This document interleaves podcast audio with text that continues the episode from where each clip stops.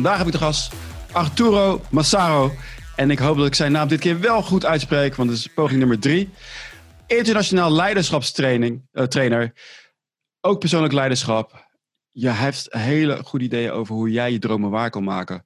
En hoe jij uh, ja, kan zorgen dat jij eigenlijk de kapitein bent van het schip in je leven. Arturo, welkom in de uitzending. En excuses dat ik je naam verbaster of verkeerd uitspreek. Nee, nee, nee. Je, sowieso sprak je het heel goed uit. En uh, daar is absoluut niks mis mee. Ik vat het niet persoonlijk op. Mooi, en, mooi, mooi, mooi, mooi. Dankjewel voor de uitnodiging. Ik ben heel blij hier te zijn. Ik vind het erg leuk dat je er bent, want je, zoals je het al had over, uh, over leiderschap. Nou, de, best, uh, best ship in a storm is leadership. So, dus um, dat is het. Ja, nou wat we merken natuurlijk is dat er zoveel chaos om ons heen is. En alle zekerheden die we hadden, vallen bijna allemaal weg. Zekerheid van een baan. Zekerheid misschien wel van de relatie die je hebt. Uh, van het geld. Komt misschien minder geld binnen. Uh, dingen, gewoon naar buiten gaan. Dus de externe wereld is zo hard aan het veranderen door eigenlijk een heel, heel, heel klein virusje. En dat heeft een gigantische impact op ons. Ja, wat je zei, hè? Alle, alle zekerheden financiën, woning, relatie, baan, alles wordt in één klap weggeslagen. Ja. Dat is nogal wat. Dat zijn is we, heel zijn, wat. Zijn we niet gewend? Uh, nee. maar het mooie is ook dat het allemaal schijnzekerheden zijn. Uh, mensen werken daar heel hard voor om hun baan te behouden. Dat is goed, hè? dus daar is niks mis mee. Maar als je constant controle moet houden over je baan, dat je misschien jezelf af en toe verloochent. Of dat je controle wil houden in je relatie. Al die dingen meer. Als je controle moet houden, dan betekent het al dat de zekerheid een schijnzekerheid is. Wat deze crisis ons echt leert, in mijn ogen, is dat we niet meer naar die externe wereld moeten gaan kijken, maar juist naar onze innerlijke wereld. Daar zit de kracht. En daar zit het leadership, zoals ik dat net zei, in die storm. Heb je echt je leiderschap nodig, je persoonlijk leiderschap, om hier goed in te blijven staan. Ja. Uh, Steve Covey, misschien kennen mensen die wel, maar die zei ook, je zit in een cirkel van betrokkenheid. Dat is die omgeving, de regering die bepaalde regels inzet, nieuwe wetten maakt. Ze hebben invloed op jou. Maar jij hebt altijd invloed op jezelf. En in het Engels is dat een heel mooi woord, responsible. Um, responsibility, dat is the ability how to respond. Dus hoe ga ik acteren en rea reageren richting die omgeving van mij? Doe ik dat vanuit angst, vanuit overleven, vanuit ik wil gelijk krijgen of gelijk hebben? Of doe ik dat vanuit rust, innerlijke vrede? Daar zit een wereld van verschil in. Uh, ik gok uh, dat er totaal geen innerlijke vrede is bij uh, veruit de meeste mensen. Dat zullen we ook wel met me eens zijn. En een mooi inspirerend boek. Het is een kort boek, maar de boodschap is, uh, is helder. Was van Victor Frankl, volgens mij, als ik de naam goed heb. En die zat ja. in de Tweede Wereldoorlog in zo'n uh, in zo'n kamp. En ja. die uh, ja, kon in, zelfs in die omstandigheden kon hij toch zijn geluk vinden.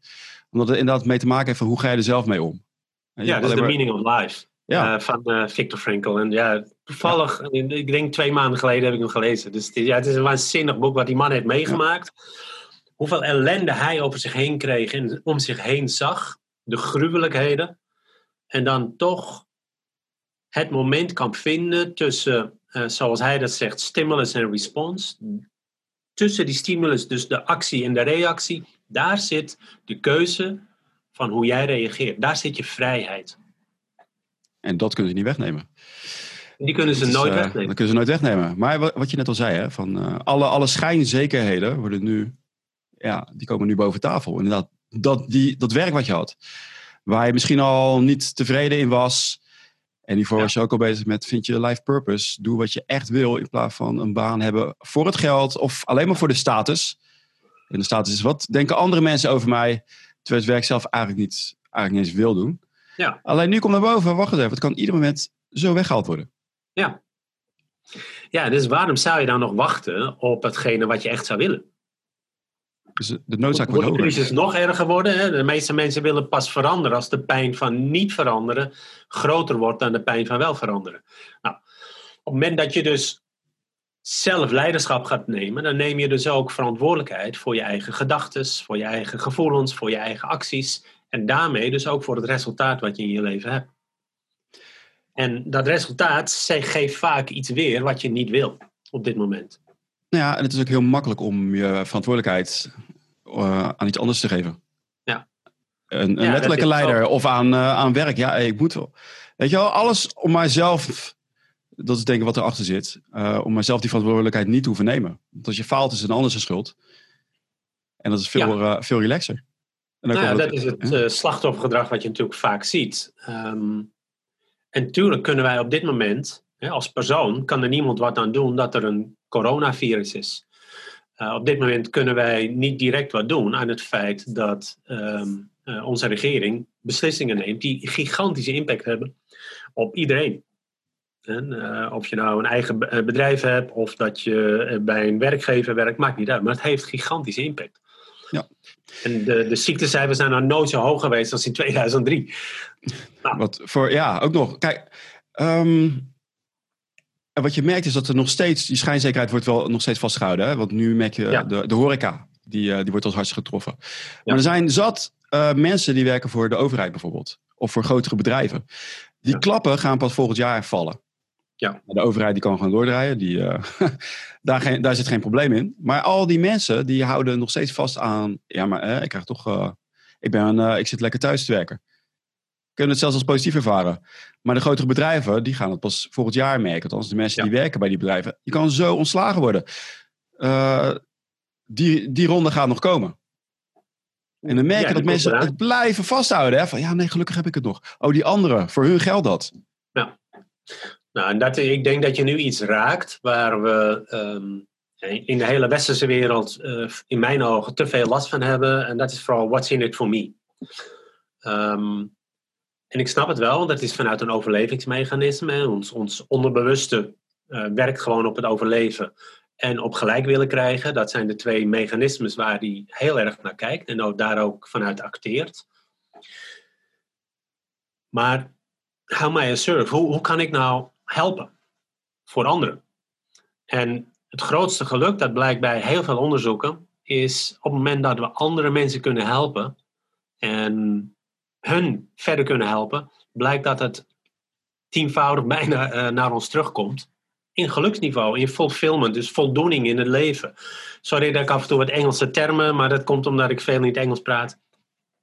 Maar die voldoening die je hebt dan, en da dan krijg je dat doel in het leven wat steeds veel mooier en veel groter wordt. En uh, voor de mensen die dat nog niet als motiverend genoeg zien. Dat is ooit een spreekwoord, als een, een riedel was dat op de basisschool, zag ik die aan de muur hangen. En dan was het van, uh, toen ze voor, uh, ik, ik, weet het niet meer precies, maar toen ze voor die groep kwamen, deed ik niks. Toen ze voor die groep kwamen, deed ik niks. Weet je? En uiteindelijk was ik aan de beurt. En toen was er ook niemand die voor mij streed.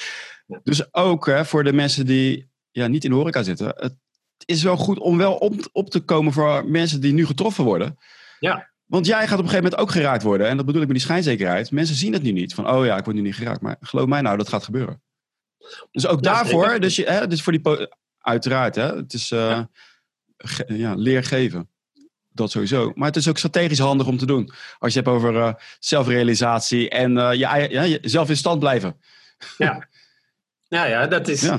ja die zelfrealisatie. En dat, dat heeft ooit een psycholoog, Maslow, ook wel aangegeven. Er zijn maar heel weinig mensen die die zelfrealisatie uh, bereiken. En dat heeft meer te maken met het feit dat men in tekorten denkt. En um, um, ook heel vaak een gebrek aan eigenwaarde. Anderen zijn beter, uh, ik kan het niet. stel dat ik mij um, mij laat zien, hè, zoals ik af en toe doe met mijn posts of met, op, op mijn profielen, ja, dan krijg je ook kritiek. Nou, daar kunnen heel veel mensen niet goed mee overweg. Ja, en wat is, wat denk je, wat is daar de reden van dat mensen niet tegen kritiek kunnen? Omdat ze het persoonlijk opvatten.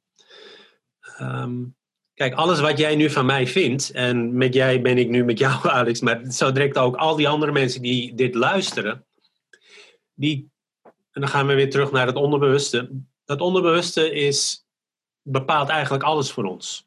Dat bepaalt hoe wij de wereld zien. En als we daar niks aan doen, aan het onderbewuste, uh, dan blijven we de wereld zien zoals ze zijn, zoals het is, zoals wij denken dat het is. En dat betekent ook dat je mij misschien wel arrogant Amsterdammer vindt. Dat zou, dat zou heel goed kunnen. Of dat je me heel leuk vindt. Kan ook. Um, maar beide zijn niet waar. Ik ben geen arrogant Amsterdammer en ik ben ook niet altijd heel leuk. Uh, maar zolang ik maar alleen maar blijf kijken door die ene bril, met dat ene filter, dan ga ik alleen maar de dingen zien zoals ik ze wil zien. En dan verandert de wereld wel heel snel in een hele kleine bubbel. Ja, en, uh, de confirmation bias, hè? Je gaat alleen maar zien wat je wil zien. Alleen maar, uh, dus dat, dat valt heel erg op. Uh, stap 1 is inderdaad, wees je daar bewust van. En wees je bewust van je innerlijke drijfveren. Wat je net al zei, de meeste mensen zijn heel erg onzeker. En die kijken heel erg naar, wat denken anderen van, van mij? En als ze kritiek krijgen, is het inderdaad van, oh, dus ik ben niet goed als persoon. Ja, maar het is de, het beeld wat die ander van de wereld heeft over jou. En zolang ik dat um, mij persoonlijk aantrek, zit er ook iets van waarheid daarin. die snap, die snap ik niet. Wat bedoel je? Nou, op het moment dat ik aantrek hoe jij over mij vindt, hè, wat jij van mij vindt, stel dat je mij een heel vervelende man vindt, um, die onzin uitkraamt, dat betekent dat ik diep in, in, bij mijzelf van binnen iets voel dat het nog niet mijn eigen verhaal is, bijvoorbeeld. Of dat ik er ook niet helemaal zeker over ben. Of dat ik constant op zoek ben naar uh, bevestiging van hoe goed ik ben. En zolang ik dat doe, zoek ik de bevestiging, het geluk, mijn vrede, mijn innerlijke vrede, zoek ik in de buitenwereld. En die verandert altijd, zoals we dat eigenlijk net al het gesprek begonnen zijn. Ja. Die buitenwereld verandert altijd. En als ik daar mijn eigen waarde vandaan moet halen, dan duurt het heel lang voordat je dat gaat redden. Hoe komt het dat we dit hebben? Waarom zijn we zo opgevoed? nou, je, eigenlijk geef je het antwoord al aan. Ja, waarom zijn we zo opgevoed? Wat is dat toch? Ja, onze ouders wisten ook niet beter. Um, die hebben ook niet geleerd hoe je echt liefde moet geven. Um, we hebben natuurlijk op school ook, gaat het vooral over het cognitieve deel. We moeten veel leren. Maar hoe leren we nou echt met elkaar omgaan? Hoe leren we elkaar steunen? Hoe leren we elkaar helpen? Hoe leren we elkaar nou, liefde te geven, maar ook onze eigen grenzen te, neer te zetten?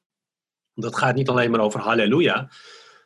Uh, met compassie iemand benaderen betekent niet dat je alleen maar begrip toont en alles accepteert. Nee, het betekent dat je begrip toont en je eigen grenzen durft te stellen.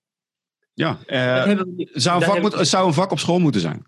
Absoluut, dat ben ik helemaal met je eens. En er zijn wel wat leraren die daar uh, mee bezig zijn. Ja, maar het is gewoon, het is zeker geen common sense. En uh, is, het, is, maar heel klein op dit moment wat er bezig is. Ik heb, ik heb twee dochters. En ik ben nu al bezig om uh, ik heb al een regeltje gemaakt hè, van, uh, eigenlijk van, weet dat je gewoon geweldig bent voor wie jij bent. Ja. Dus ik geef ze ook een regeltje van, wat moeten jullie doen, wat, wat, moeten jullie doen zodat ik jullie geweldig vind? Zeg zo, niks, niks pa. Oké, okay, mooi. Betekent niet dat ze niks hoeven te doen voor mij, hè? Dat is het niet. Maar wel, het boeit niet als je faalt in dingen. Je bent nog steeds cool. Dat boeit niet. Weet je, dus uh, faal je weg naar succes. Ik weet niet meer wie het ja. zei. Ik vond het mooie. Maar ik wil dat, omdat ik ben zelfs niet zo opgevoed. Nee. Ik wil niet dat zij heel de tijd bezig zijn met zichzelf bewijzen naar de buitenwereld in alles wat ze doen. Ik wil dat zijn eigen plan trekken. Dus weet je wel, ik wil die kernwaarden wil ik er al ingooien. Nou, dat is heel goed. En um, wat ik ook zie is dat sommige mensen daarin doorslaan en dan mag alles. En dan is alles goed wat het kind doet. En ik denk dat kinderen ook wel bepaalde boundaries, bepaalde grenzen nodig hebben om aan te geven: oké, wat je nu doet, kan gewoon niet. Anders krijg je iedereen verdient een lintje hè, op zo'n wedstrijd. Participa ja. Participation Award. Ja, ja en dat is, dat, daar zit een kern van waarheid in. En, nou, en nee, het is, is natuurlijk ook leuk om, om iets te bereiken. Ja, maar niet constant. Hè. Kijk, het is goed uh, om, om te weten dat je gewoon slecht bent. Is ook goed. ja. ja. Nee, maar dat, ik wil uh, niet van, uh, je maakt een tekening of iets, of je doet mee aan een wedstrijd. Het is goed ja. om te verliezen. Nou, daardoor, word je, daardoor word je beter. Maar hè, wat ja. gebeurt er nu met nee, iedereen, want anders worden ze wel gekrenkt. Ja. Dus eigenlijk, ja, dat is juist een goed iets. Hè? Leer van dat gevoel om te zetten in actie. Om, uh, om te verbeteren. Ja, nou, ik had toevallig van de week had ik een gesprek met mijn zoon. Die, die zit ergens uh, in Zuid-Amerika. En die is 32. En daar ging het ook een beetje over opvoeden. En toen zei hij, nou, ik ben... Krijg kritiek? nou, ja. Nee hoor, nee, viel heel erg mee. hij, uh, hij was erg blij uh, uh, met, met hoe ik het gedaan heb als vader richting hem. Tuurlijk heb ik mijn fouten gemaakt. Hij zei, je hebt wel... je hebt me liefde gegeven, maar je hebt ook af en toe even duidelijk laten merken van hé, hey, hier, nu kun je gewoon even niet verder. En dat komt hij nu achter dat dat wel heel goed is omdat hij af en toe kinderen om zich heen ziet die die grenzen niet krijgen. En dan, ja. Dat is ook goed voor relaties. geef, je grenzen aan. Niet zomaar ja, ja. namen zeggen. Ja, nee, dat ja. zo. Maar nu in deze tijd, hè, dus we hebben een, een gedeelte van, uh, het gaat erom hoe je er zelf mee omgaat. Maar je zit wel in de shit. Ja. En nu? Hoe, ja. Wat, wat, wat moet ik doen? Uh, nou, ik heb het gelukkig goed. Wat moeten mensen doen die A, nog in de denial zitten? Ja. Lekker Engels verder. Um, wat kunnen ze nu doen mentaal om zich te bewapenen? Um, nou, ten eerste is het feit dat mensen vooral naar het resultaat kijken, naar de buitenwereld. En als die niet bevalt, voelen zij zich niet goed. Het is alleen een loop. En um, dat wil niet zeggen dat jij nu op de. Dus even deze disclaimer: niemand is verantwoordelijk voor deze crisis hier in Nederland. Hè. Um, laat ik het zo zeggen, alle ondernemers zijn daar niet uh, verantwoordelijk voor. Maar je bent wel verantwoordelijk voor hoe je ermee omgaat. En ik snap heel goed, en geloof me, mijn inkomen is ook met, uh, is naar een zesde gedaald van wat ik normaal heb uh, elk jaar.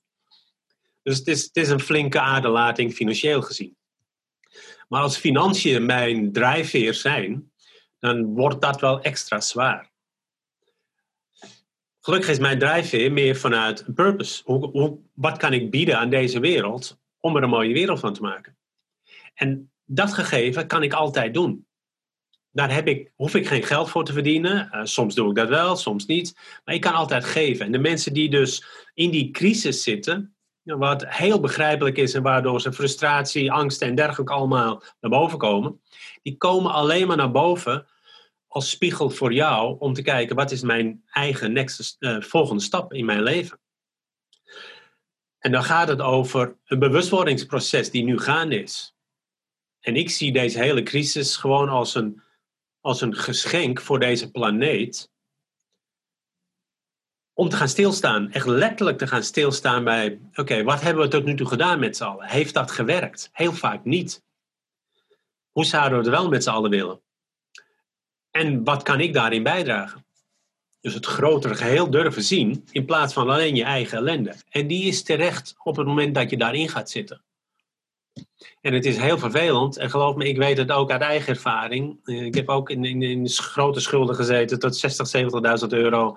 Kon de hypotheek niet meer betalen en dergelijke. Dus ik weet heel, heel goed wat het is om dingen mee te maken. Dat je echt gefrustreerd bent en angst en zorg hebt. Alleen die hebben mij nooit geholpen om eruit te komen. Dat is zeker, dat is zeker zo. Maar je, je kan het al weten van luister, er zijn uh, ik kan er beter anders over, de, over denken. Maar hoe doe je dat? Want je voelt wel die angst en die druk en crisis. Dus je kan het ja. verstandelijk weten, maar hoe ga je het ook echt ervaren? Nou, dat betekent op, opnieuw, en dat is, uh, Einstein zei het al, hè? het probleem wordt nooit daar opgelost waar het ontstaan is. Je zult naar een ander bewustzijnsniveau moeten gaan om naar andere oplossingen te zoeken. Zolang je in dat probleem blijft, blijf je dezelfde mogelijke oplossingen zien die niet tot een oplossing leiden. Dus je, er ontstaat een tunnelvisie. Dat betekent dat je rust moet gaan vinden in jezelf. Dat is letterlijk stilstaan. Sommigen noemen het mediteren, maar dat maakt mij niet uit. Ga nou eens letterlijk stilstaan en ga eens opschrijven. Welke angsten, zorgen heb je nou? En heel veel angsten en zorgen zijn niet reëel um, als je er goed naar gaat kijken. Het geld is natuurlijk wel een issue waar je, hè, je moet je huur betalen, je hypotheek en misschien wel mensen die je in dienst hebt. Dus daar zit wel degelijk een bepaalde zorg. Maar hoe kan je daar nou boven gaan staan in een soort metapositie en je eigen conscious niveau, je eigen bewustzijnsniveau verhogen um, naar een vibratieniveau waardoor je andere dingen aantrekt in het leven? En alles, maar dan ook alles, en dat zijn, zijn ook, is energie.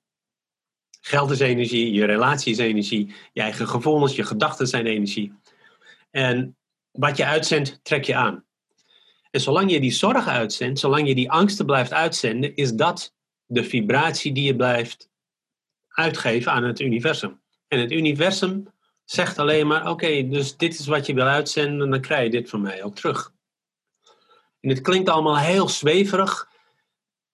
Maar als je echt heel goed gaat kijken naar alles wat je al bereikt hebt in je leven, heb je een andere energie uitgezonden dan de dingen die niet goed gingen. Daar had je veel meer angst, veel meer zorgen, veel meer frustratie, ehm, misschien wel boosheid.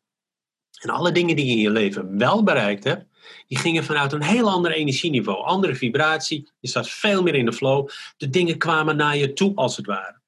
En zo werkt het universum. Maar dat betekent dus dat je een ander conscious, een ander bewustzijnsniveau moet gaan ehm, handelen. Kijk, nu, uh, ik weet exact waar je het over hebt, maar uh, leg het eens uit voor de mensen die denken, wat ik hoe ik vibreer, welk level ik vibreer, dat zend ik uit, dat komt weer terug. Doe even, even een korte, hè, want er zijn mensen die denken, wat? Ja, nou, oké, dat is al de eerste. Wat? Dat is eh, wakker geschudden worden. Ja. Um, nou, op het moment dat je heel simpel nu, op dit moment, als je de, de, de, nou laten we zeggen, de zorgen voelt, neem eens twee keer een rustige, diepe ademhaling en blaas het heel rustig uit. En ga eens kijken wat er dan met je lichaam gebeurt.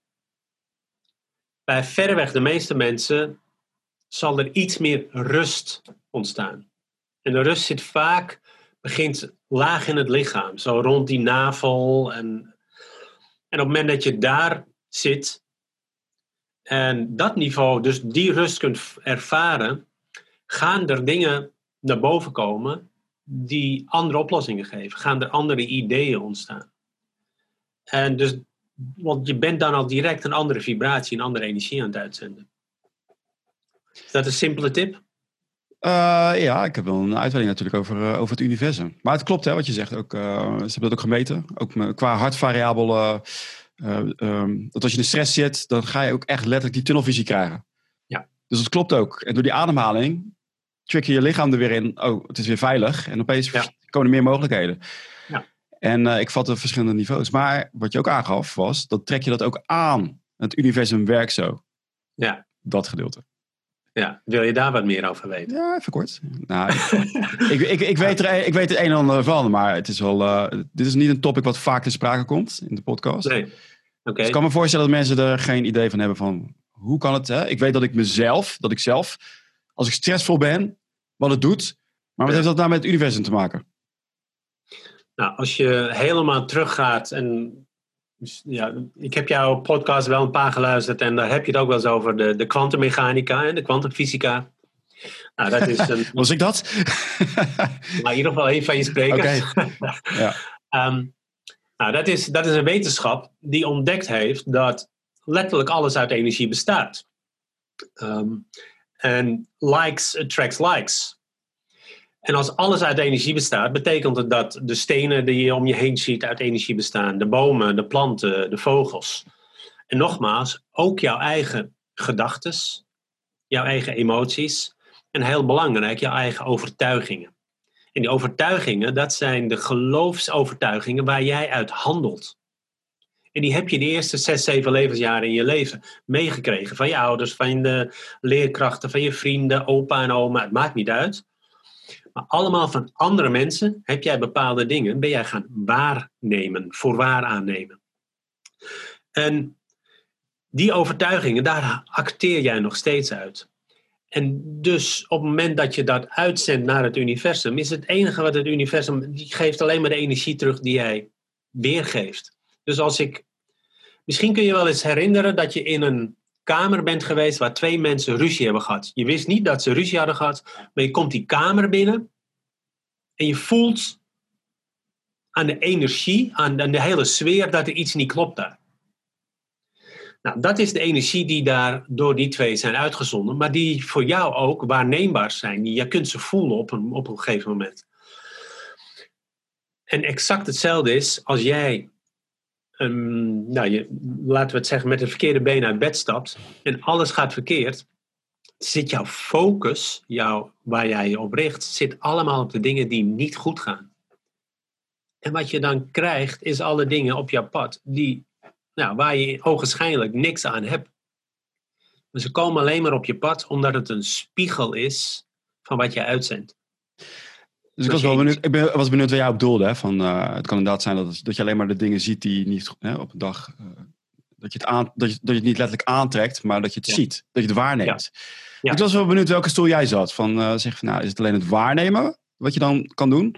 Of zeg je nee, er komen ook daadwerkelijk meerdere kansen op je pad? Absoluut. Ja, er komen altijd kansen op je pad. Uh, daar is, uh, en dat niet alleen voor mij, uh, niet alleen voor jou, maar echt voor iedereen op, op deze planeet. Alleen lijkt dat niet altijd zo. En ze noemen het ook wel eens synchroniciteit. Het is een, komen dan dingen op je pad, alleen wil jij het zien of niet? Een heel simpel voorbeeld. toen ik 24 was, nou dat is al heel lang geleden. toen had je een beetje, kwam Tony Robbins net op. En toen was er op tv iets over bandjes kopen van Tony Robbins. En dat als je daar naar luisterde, dat je hele leven veranderde. Iets in mij zei, dat moet ik kopen. Ik moet dat kopen. Ik weet exact wat het was. Het was Tony Robbins met zijn verkoopskills. Ja, zeker.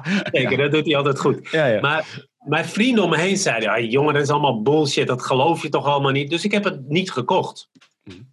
Um, maar dat ding kwam wel op mijn pad. En die kwam meerdere keren op mijn pad. En elke keer heb ik het niet gedaan. Totdat ik ergens in mijn veertigste, rond mijn veertigste een droom kreeg dat ik trainer en coach moest worden. Uh, toen ben ik opeens dingen gaan lezen, gaan luisteren, gaan volgen. Dat ik dacht, hey, maar volgens mij had ik dat 16 jaar geleden al kunnen doen. Um, wat ik daarmee wil zeggen, er komen altijd dingen op je pad. Alleen durf je te luisteren naar dat hele diepe innerlijke eerste stemmetje wat naar voren komt. Yes. En daarna gaan onze gedachten en overtuigingen gaan eroverheen. Van dat werkt niet, dat kan niet, dat is niet voor jou, het kost te veel geld, uh, wat zullen andere mensen wel niet zeggen. Maar dat eerste initiële gevoel, dat is je intuïtie. Dat, dat, daarom zeg ik ook wel eens: volg je hart, want het klopt altijd. Luister daarnaar. Letterlijk. Ja. Durf die pad, dat pad te volgen. En daar zit je, daar zit je, uh, je kans. Nee, het is echt leer. Kijk, als al die, uh, die limiting beliefs nog omheen zitten, van uh, oké, okay, wat, wat gaan die van mij denken? Als dat er allemaal nog voor zit, dan heb je geen kans. Ja, dan ga je veel slechter naar je innerlijke luisteren. Allemaal, allerlei barricades worden opgeworpen. Ja, dat klopt. Alleen het innerlijke is er wel. En het praat altijd met je. Geloof me, het praat altijd met je. Ook in de periode dat ik het gewoon nog helemaal niet in geloofde. Ook toen sprak het met me. Nou, we zijn heel goed om dat allemaal weg te wijven. En ook in deze crisistijd van, oh jee, stel je je baan gaat eraan. Oh, ja. maar, hè, dan kan ook, als, als je daar je identiteit aan hebt ontleend, dan is, is die impact veel groter. Van, oh, maar wat ben ik dan als ik dat niet meer heb? Nou, dat klopt. Dus als je al die barricades weghaalt, dat gaat je echt goed helpen.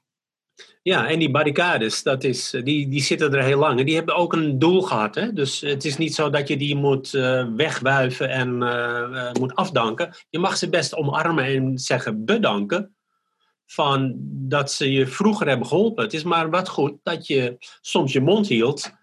Want anders kreeg je misschien een klap van papa of mama of de buurman. Ja, het is, ja, dus, ja. Maar als je dan groter bent en je ziet allemaal volwassen mensen om je heen tijdens een vergadering en je houdt nog steeds je mond. Dat is nog steeds het oude mechanisme wat je zelf hebt um, aangenomen toen je zes jaar was. Ja, toen was je. Het verhaal van die olifant die aan die ketting uh, hing. Ja. Die volwassen olifant aan een touwtje. De zoon die vraagt aan de vader. Die olifant kon toch zo los uh, worden getrokken? Of ja. uh, die kan toch zo lostrekken? Zegt die vader, nou ja, maar als kind heeft hij dus ook vastgezeten. En hij probeerde niet eens meer die olifant. Nee. En dat is wat we doen. Dat is, dat is namelijk een heel mooi voorbeeld. Wij blijven geloven in wat, we, uh, wat ons aangeleerd is. Want alles wat ons, al die overtuigingen die we hebben, hadden we absoluut niet toen we geboren werden. Nee, toen kon alles. Toen kon alles. alles kon, waren, ja. en dat, ja, dus die overtuigingen, die zijn wij um, gaan geloven. Ik denk altijd stap 1 is dat je überhaupt bewust van bent dat er overtuigingen zijn. Want er zijn zat ja. mensen die onbewust leven, die hebben daar hebben hier geen idee van. Dus stap 1 is, wees je bewust dat er overtuigingen zijn. Ja. Ik zou ook zeggen van, identificeer die niet mee. Want wat je net zei ook, omarm die gedachten. Dat helpt om het te veranderen. Want anders ga je in de weerstand van, oh, dus ik heb foute gedachten gehad. Ja. Helpt ja, ook niet. Nee, ja.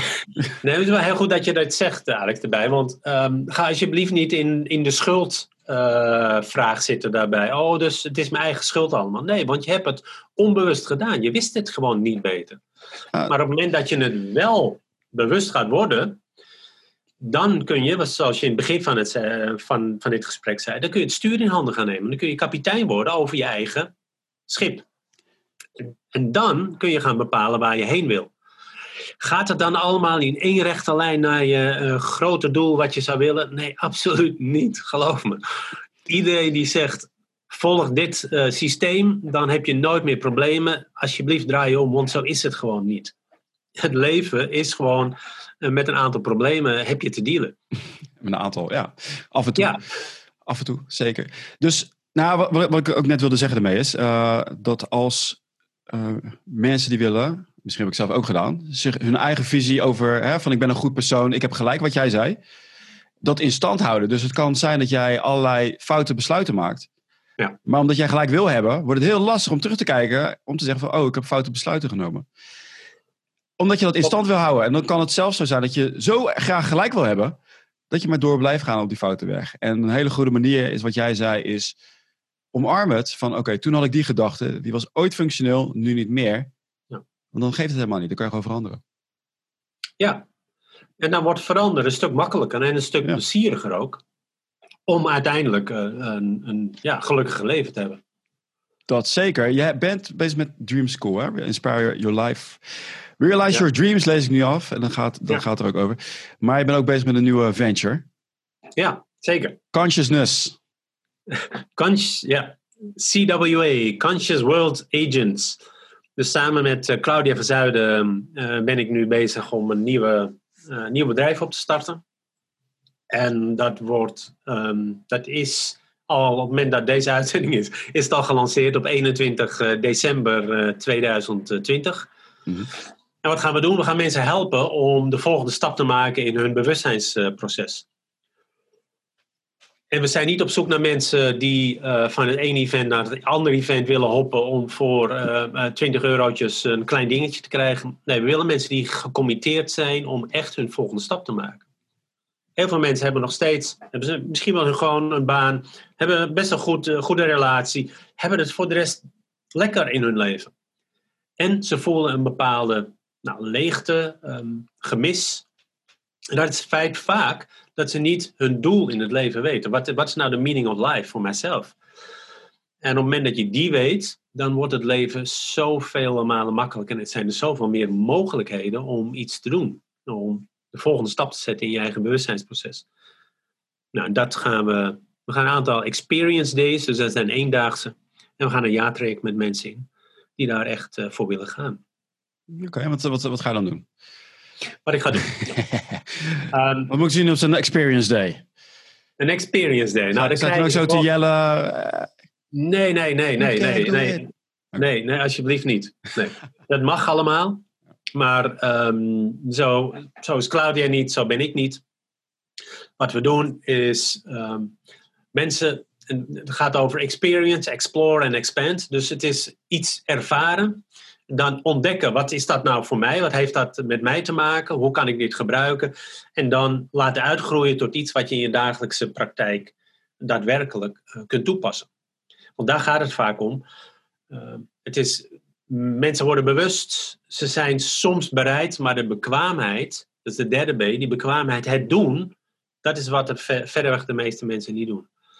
En waar heel veel dingen van ons op gebaseerd zijn, zijn bijvoorbeeld op uh, de Four Noble Truth vanuit het boeddhisme. Hè, de, uh, het leven is, is suffering, dus het is, constant maar ellende. En hoe kom je daar nou uit? Maar je kunt ook denken aan de Four Agreements van uh, Don Miguel uh, Ruiz. Dus vat niets persoonlijk op bijvoorbeeld. Um, ga geen slechte woorden gebruiken. Dus wees heel duidelijk in welke woorden jij gebruikt in je communicatie met anderen. Dus op het moment dat je constant slecht over anderen praat, is dat, dan gaan we weer terug, is dat de energie die je uitzendt. En wat krijg je terug? En wat ga je zien? Alleen maar die vervelende dingen ondanks dat iemand van de, negen, van de tien keer negen iets goed gedaan heeft, ga jij dat ene ding zien van die ene persoon die net niet goed is. En dat heeft te maken met wat jij um, aan overtuiging hebt over die ander. Ik dacht altijd heeft te maken met wat, voor, eh, wat je aan overtuiging hebt over jezelf.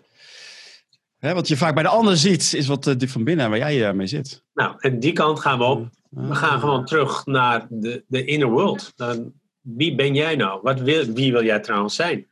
Maar welke, welke, welke, mensen willen zo geconfronteerd worden met al die waarheden? Van, oh, het zit eigenlijk allemaal in mij. Ja. Um, nou, ik denk dat er al heel veel mensen zijn die redelijk uh, bewust leven. Uh, maar nog niet weten hoe ze in, bijvoorbeeld in deze crisis daar echt mee om moeten gaan.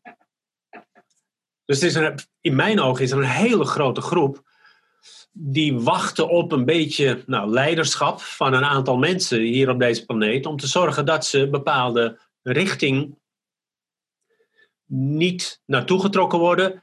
Want ze moeten het zelf doen. Ik ga geen mensen op mijn nek nemen. Dat heb ik heel lang gedaan. Dat doe ik niet meer. Uh, maar wel heel veel guidelines meegeven, richtingen, waarin jij zelf kan bepalen: hé, hey, wacht even. Dit resoneert met mij, dit spreekt mij aan. Ik voel nu opeens van binnenuit, vanuit mijn hart, vanuit de intuïtie: hé, hey, dat, dat triggert mij. Daar, daar, daar voel ik me goed bij. En dat is het pad wat je te volgen hebt.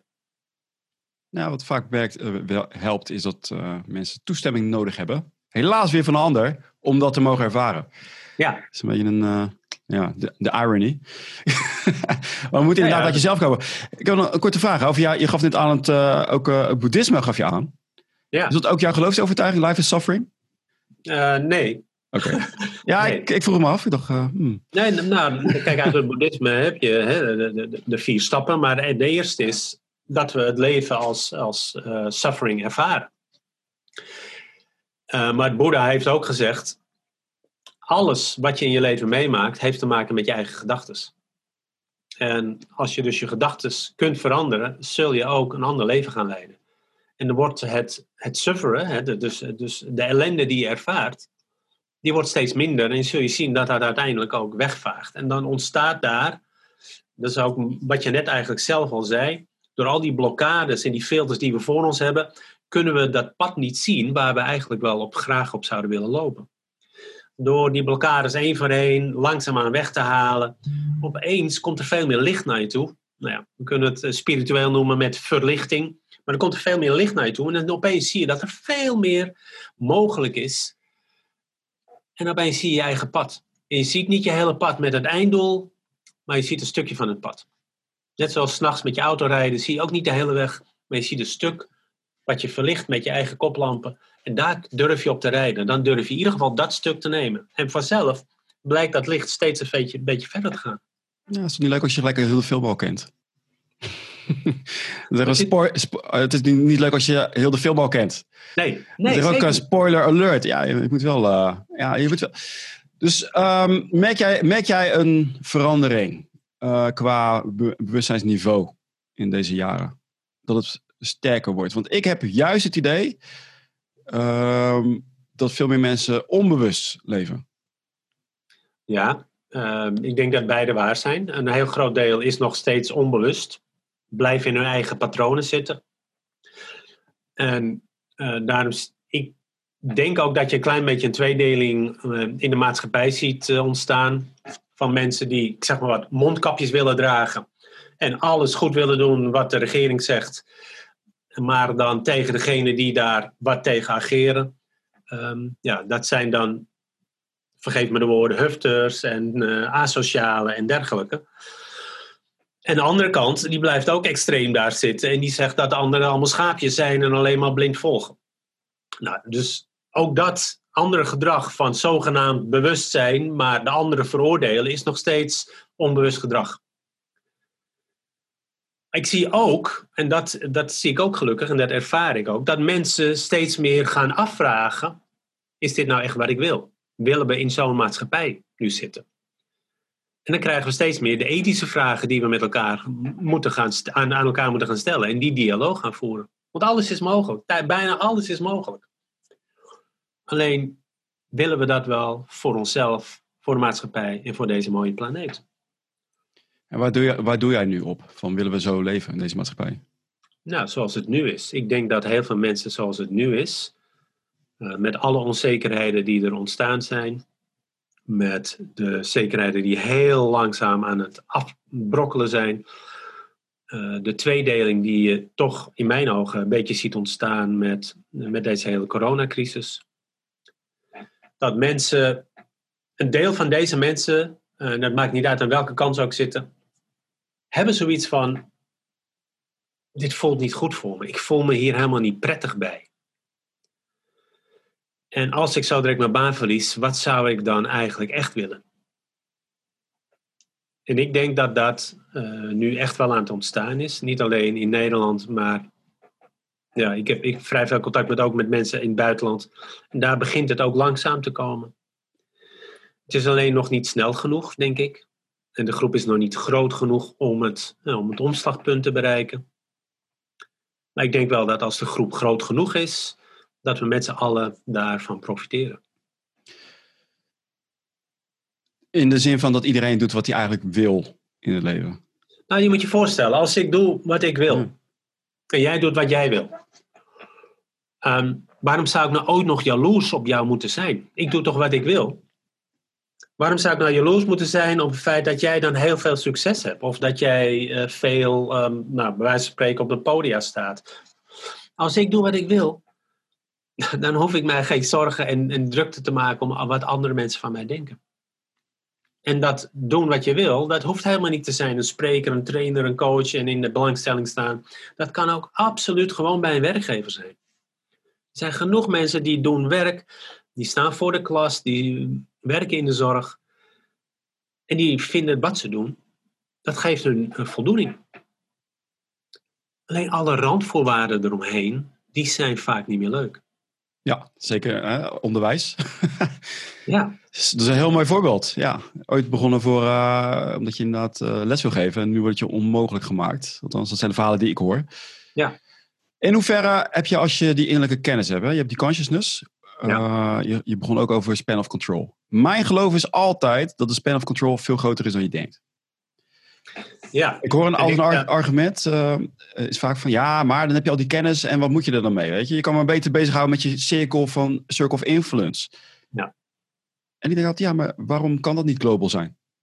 Ja, het kan zeker global zijn. Het is, um, sterker nog, het is bijna altijd global, alleen dat ervaren we niet zo. Maar ik zou ook niet het woordje span of control willen gebruiken. Ik ben veel meer voor span of support. En dan krijg je daar veel meer, uh, ik in ieder geval krijg daar veel meer energie van. Want control is nog altijd iets willen zoals ik het wil. Als ik support, dan geef ik gewoon wat ik te geven heb. En dan mag jij bepalen wat je ermee doet. Maar waarom we allemaal met elkaar verbonden zijn, is heel simpel. Um, nou, laten we een, blikje frisdrank nemen. Dat blikje frisdrank, waar, wat zit daar allemaal in, in die frisdrank? Welke stoffen zitten daarin? Wie hebben daaraan gewerkt? Wie heeft dat blikje zelf gemaakt? Hoe is dat vervoerd? Hoe is dat bij jou gekomen? En noem maar op. Als je dat gaat bedenken, dan heb je een lijst van misschien wel duizend mensen die allemaal te maken hebben met dat ene blikje wat jij nu aan het drinken bent. Dus we zijn allemaal met elkaar verbonden. We hebben elkaar allemaal nodig. We kunnen gewoon niet zonder elkaar. En dat is wat de meeste mensen niet, niet snappen. Ze denken eerst, what's in it for me? En dan mogelijk pas aan anderen. Heel simpel voorbeeld. Ga kijken naar een schoolfoto van lagere school. Waar is het eerste waar je naar kijkt? Naar wie? Naar mezelf natuurlijk. Ja. en dan ga je heel even naar misschien wie naast je zat. En dan ga je weer naar jezelf. En uh, dan ga je nog even kijken wie was mijn juffrouw of mijn meester. En dan ga je weer naar jezelf. Dus er zijn altijd drie dingen waar mensen in geïnteresseerd zijn. Dat is zichzelf, ten tweede zichzelf en ten derde vooral zichzelf. Nou, als je die maatschappij hebt, dan krijg je een maatschappij zoals die in mijn ogen nu een beetje aan het ontstaan is. Oké, en hoe zie je het dan voor je dat er, er wordt wel veel gezorgd voor anderen in deze maatschappij? Ja. Um, hoe, hoe, ontstaat dat? Want dat zie je wel, hè? Je ziet wel, er zijn zat subsidies, uh, uitkeringen. Ja, um, kijk, maar dan hebben we het ook weer over het geld. En dat is goed, hè? We, we moeten gewoon onze huur kunnen betalen en we moeten eten kunnen kopen. Dus dat daar een bepaalde zorg voor is, is oké. Okay. Maar worden mensen echt uit de zorg gehaald? Worden mensen echt op het, uh, op het wortelniveau geholpen? Of is het puur een pleister plakken? Ja. En in mijn ogen is het vaak een pleister plakken. Omdat we te weinig echte aandacht kunnen geven aan de ander. Dat is zeker. Nou, ik zit, ik zit daar even aan, aan te denken van hoe zou, je, hoe zou je dat zo iets op kunnen zetten? Weet je, ik denk dat zo'n zo'n consciousness uh, school, agents, ja. geef me de naam. ja. Moeten we denken aan de Matrix. Uh, zou eigenlijk op scholen gegeven moeten worden, dit? Ja. Nou ja, een van de dingen die, die we ook in die hele Conscious World Agents uh, gaan doen, is de 16 guidelines uh, zijn dat. Nou, dat zijn 16 richtlijnen hoe je een gelukkiger kunt leven. En dat, dat, dat dit is ook voor kinderen. En dat kan je heel makkelijk op school inderdaad invoeren. En dan leren kinderen dat ze in een conflict met een ander, als ze het net even anders zouden aanpakken, dat het prettiger zou zijn. Dat, en dat, de uh, dat je eigenlijk die linkse zo. Ja, en maar dan wordt het die... Ja. Juist. Ja. nee, maar dan ga je, dan ga je kijken, oké, ik ben nu kwaad geworden. Hoe, als ik nu zo kwaad ben, hoe komt dat dan? En als ik nu hetzelfde probleem en dezelfde persoon zou benaderen vanuit een compassiegevoel, hoe zou ik dan reageren? Nou, dit klinkt een beetje meer volwassen, maar voor kinderen heb je daar ook diverse richtlijnen voor om ze te helpen daar anders in te gaan staan. En dan neem je elke keer het stuur terug in handen. Hoe kan ik anders reageren? Zodat die ander de ruimte krijgt om iets kwijt te kunnen. En er ontstaat begrip. En nogmaals, het betekent niet dat je alles hoeft te accepteren van die ander. En dat is heel belangrijk om dat ervoor, erbij te zetten. Ik begrijp uh, dat jij mij uh, wil pesten, want je hebt een slechte thuissituatie. Ja. Dus ik geef deze linkse directe met alle compassie. Niet persoonlijk nemen, maar dit is even mijn grens. Ja. Nee, even, maar uh, het, is, het is goed om. Uh, ja, ik geloof wel dat extreme ownership. Hè, dat je altijd. Uh, voor mij is altijd de gedachte dat ik de invloed heb. Ook al is hij er niet. Maar ik probeer ja. wel zo te denken. Ja, je, je, hebt, je hebt altijd invloed. Altijd. Ja. Nou, je, in ieder geval op je gedachten. Op je, op je innerlijke belevingswereld. En je hebt vaak ook inderdaad je sukkel of trust of guidance is er zeker. En ik hoop echt dat dit vast, uh, ja, dat op scholen vastgegeven gaat worden. En binnen ja. bedrijven over. Ja, het is zo raar dat dit niet bekend is. Weet je wel, we, we moeten even van Tony Robbins, inderdaad. en zo kom je erop. Nou ja, dat is ook zo. Kijk, en wat, wat, wat ik in bedrijven zie, en ik geef uh, vrij veel training aan, aan het hoger management en, en uh, executives en zo. Het klinkt allemaal heel interessant, maar heel bazaal zijn ze net zoals kinderen van 6, 7 jaar, hoe ze nog steeds reageren. En het ligt nooit aan het IQ. Weet je, ze zijn intelligent genoeg. Maar ze hebben al bijna niet geleerd hoe ze met hun eigen emoties om moeten gaan. Ze hebben al bijna nooit geleerd hoe ze met de emoties van anderen om moeten gaan. En ze hebben al zelden geleerd hoe ze um, moeten omgaan met situaties die ogenschijnlijk niet veranderd kunnen worden. Laat bijvoorbeeld de, de, de crisis die we nu hebben. Dus die emotionele intelligentie die is al heel laag. Als je die al gaat opvoeren, dan zul je merken dat je bewuster gaat leven en bewuster gaat reageren en meer gaat luisteren naar de ander, waardoor er empathie en compassie ontstaat. En het klinkt zweverig voor heel veel mensen en eng, maar het is zo simpel om dit te doen. Want het begint gewoon met: oké, ik ben even niet belangrijk, ik wil luisteren naar die ander. Ik luister even wat die ander te vertellen heeft. En als ik dan 100% aandacht heb, dan is dat hetgene wat gaat helpen in het gesprek. Anders heb je alleen maar die filter erop van wat ga ik zeggen? Of wat denkt hij, over, wat denkt hij wel niet over mij? Ja, en dan hebben we elke keer een doel ja. met dat gesprek. Maar dat is mijn doel. Dat hoeft niet jouw doel te zijn. En zolang het mijn doel blijft, in mijn luisteren, in mijn vragen die ik stel en al die dingen meer, dan voelt die ander dat op een onbewust niveau. En na drie of vier keer zeggen ze over een manager, nou, hij luistert toch niet. Hij doet toch wat hij wil. Nou, dat is wat je heel vaak merkt in, in leidinggevende posities. En het zou zo mooi zijn als ze in ieder geval hun emotionele intelligentie kunnen verhogen. Maar het zou nog mooier zijn als ze naar hun conscious intelligence, dus naar een bewustzijnsniveau gaan, waarin ze weten, hé, hey, wacht even, wie ben ik nou echt? En ik besef dat jij mij niet pijn kan doen. Het zit bij mij. En het zit bij mij hoe ik naar jou reageer. Het zit bij mij welke vragen ik stel. Het zit bij mij welke acties ik onderneem. En nooit bij die ander. En je geeft die training in die bedrijven. Hoe komt het dan dat al die executives op die hoge posities belanden zonder EQ? Hoe kan dat? ik zeg niet dat ze geen EQ hebben. Ja, een laag EQ. Uh, ja, ja, zeker. Ja, ze zijn wel. Um, ik, ik, heb een, uh, ik heb ook een hypothese. Ik ben benieuwd wat jij hebt. Dus. um, nou, sowieso heeft dat te maken met een hoge opleiding vaak. Uh, dus mensen kijken al naar een hoge opleiding, universitaire opleiding. Dat spreekt al meer aan dan een HAVO-diploma bijvoorbeeld. Um, daarna zijn het mensen die. Um, sommigen zijn gewoon gegroeid in het bedrijf. Uh, hebben hun um, resultaten behaald met hun afdelingen. Maar elke keer als je naar een stap hoger gaat, betekent dat je veel meer een metapositie moet hebben. En daar zijn ze uh, zijn heel veel niet goed in. En ze reageren vaak vanuit het gelijk willen hebben en of het overlevingsmechanisme. En beide hebben geen emotionele uh, binding. Want het onderbewuste, hè, de subconscious, die wil alleen maar, uh, die voert alleen maar uit wat hij doorkrijgt vanuit het conscious niveau, vanuit het bewuste. Het bewuste is het filter voor alle dingen om te zorgen dat het onbewuste gewoon zijn gang kan gaan. En alles wat er doorkomt, denkt het onbewuste, hey, het bewuste heeft dat al gefilterd, dus dan is het goed, ik voer het gewoon uit. Ik ga het niet meer evalueren, er zitten geen emoties in, ik maak het niet persoonlijk, ik voer het gewoon uit. Punt. En dat gedrag blijf je zien, dus ook op het hele hoge niveau in bedrijven. En ik denk zelfs ook bij uh, onze regering, maar ik heb die mensen nooit uh, persoonlijk uh, gesproken. Ik denk ik dat het emotionele intelligentie ja, op een heel laag niveau zit. Ja, ik denk dat je gelijk hebt.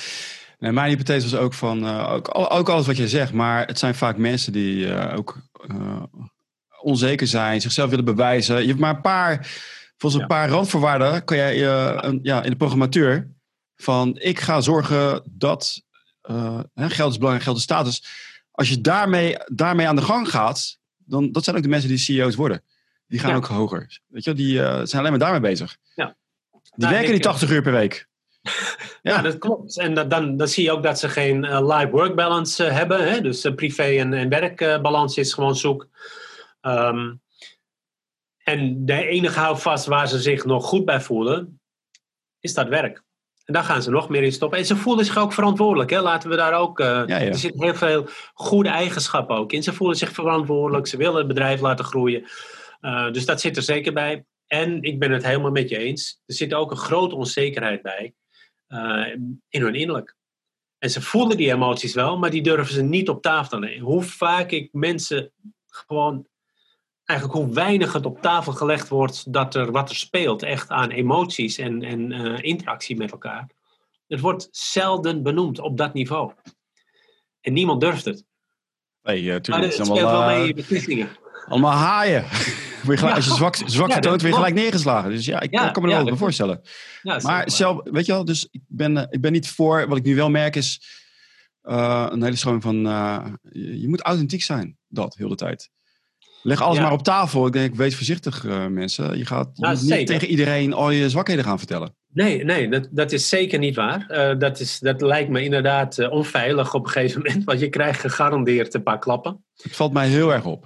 Dat het ja. nu, ook naar mij, dat de mensen, mensen bij mij dingen vertellen. Ik denk, dit moet jij mij niet vertellen. Ik ken jou niet. Nee. Dat is niet goed. Ja. Dus het kan een tactiek zijn, maar ik geloof er niet in. Ik geloof wel dat het echt is. En als ze dan het idee hebben van, ja, maar ik ben wel echt. Dan denk ik, ho, die grenzen, ook belangrijk. Ja. Nou ja, zeker. En dat betekent ook, uh, wat voel je intuïtief aan? Wat kan ik wel en niet vertellen aan een ander? Ook dat, dat ja. antwoord krijg je bijna altijd gewoon in je lichaam. Dus alleen dan moet je naar durven willen luisteren. En dat heeft te maken op het moment dat er innerlijke rust ontstaat.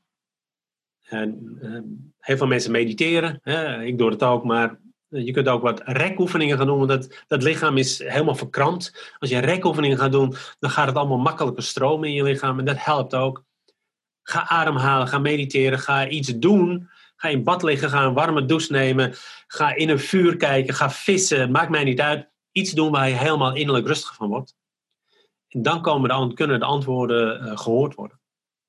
Ja, het kan ook een verslaving zijn, hè? Die constante stress. Ja. Dan kom je in die rust terecht en denk je, wow, wat is dit? Ja. ja, maar ook daar weer van bewustzijn van, wacht even, misschien ben ik wel, uh, hou ik dit allemaal juist in stand. Ja. Omdat het is wat ik gewend ben. Nou ja, het is natuurlijk ja. verschrikkelijk als je leest dat de grootste groep met een burn-out, dat zijn, ik geloof, tussen 26 en 30 jaar mensen. ik, ik ben net 60 geworden. ik, ik zou er niet aan moeten denken om een burn-out te krijgen. Maar ehm, het is toch wel, ik, ik vind het heel zielig als mensen op die leeftijd al een burn-out in moeten gaan. Ja, Andere kant is het een wake-up call, maar het is natuurlijk verschrikkelijk hoeveel druk we op onszelf liggen. En constant maar naar die gemeenschap om ons heen kijken en daaraan willen voldoen aan bepaalde ideeën die we hebben daarover. Is zo zonde. Het is zo zonde. Het, geeft, het kost zoveel energie en tijd. Uh, social media maakt er ook allemaal niet beter op. Dus het, uh, nee, het wordt, ik, ik zit alleen maar, ja, het wordt, uh, wordt erger. Het wordt een, meer narcistisch, merk ik, de cultuur. Hm. Dus ik ben ook voor die, tegen, die de stroming de andere kant op van het bewustzijn. en ja, weet je, het is, laat je niet, anders word je alleen maar geleid door externe factoren. Ja. En dat is zo zonde. Dat en die veranderen. Die veranderen constant. En dan, wat ga je dan weer doen? Je kan, je kan er nooit aan voldoen aan het beeld wat jij denkt dat andere mensen over jou zouden moeten hebben. Dus je, het is een altijd, je verliest altijd. Ja, nou ja, dat is ook wat hè, Abraham Maslow zei over de, de, de behoeftepiramide. Om zelfrealisatie te bereiken, uh, begint het met onafhankelijk te zijn van de mening van anderen. Ik, zal eens, uh, ik wist niet dat hij daar ook mee. Uh, ik, ik, zal ja. gaan, ik zal eens gaan kijken, dat is wel interessant. Leuk. Waar kunnen de, de mensen die zeggen: ik, ik weet het. Ik ben me nu pas bewust. Er is ook iets met vibratie in het universum. Ik weet het allemaal niet. Ik wil er meer over weten. Nou, ze kunnen eh, kijken op uh, mijn naam arturomazaro.com. Uh, dan kom je bij de website. Um, ze kunnen kijken op uh, dreamschool.live met een F, L-I-F-E. En L-I-F-E staat voor Leadership, Inspiration, Focus en Energy. En uiteraard het nieuwe bedrijf waar ik nu samen met, uh, met Claudia uh, heb opgezet. Dat is consciousworldagents.com. En daar staan de Experience Days, het jaarprogramma. En er komt nog veel meer coaching, leadership programs, um, online uh, stukjes die we gaan doen. Dus er komt nog veel meer bij. We zijn nu aan het vullen. En daar kunnen mensen absoluut heel veel vinden over hoe kun je bewuster in het leven gaan staan? Hoe kun je nou daadwerkelijk eigenaarschap gaan tonen over je eigen leven en je eigen gevoelens? En dat klinkt eng voor veel, maar het is, de, moeite, het is de moeite waard. Doe het gewoon. Ja, ja, ja. Who cares? Ja. Dank voor deze, dit leuke gesprek. Ik, was het, uh, ik vond het ook leuk. Deze aflevering wordt gesponsord door High Impact Profits. High Impact Profits helpt slimme ondernemers die meer impact en meer winst willen maken. Kijk nu op highimpactprofits.nl om te zien waar jouw grootste kans ligt.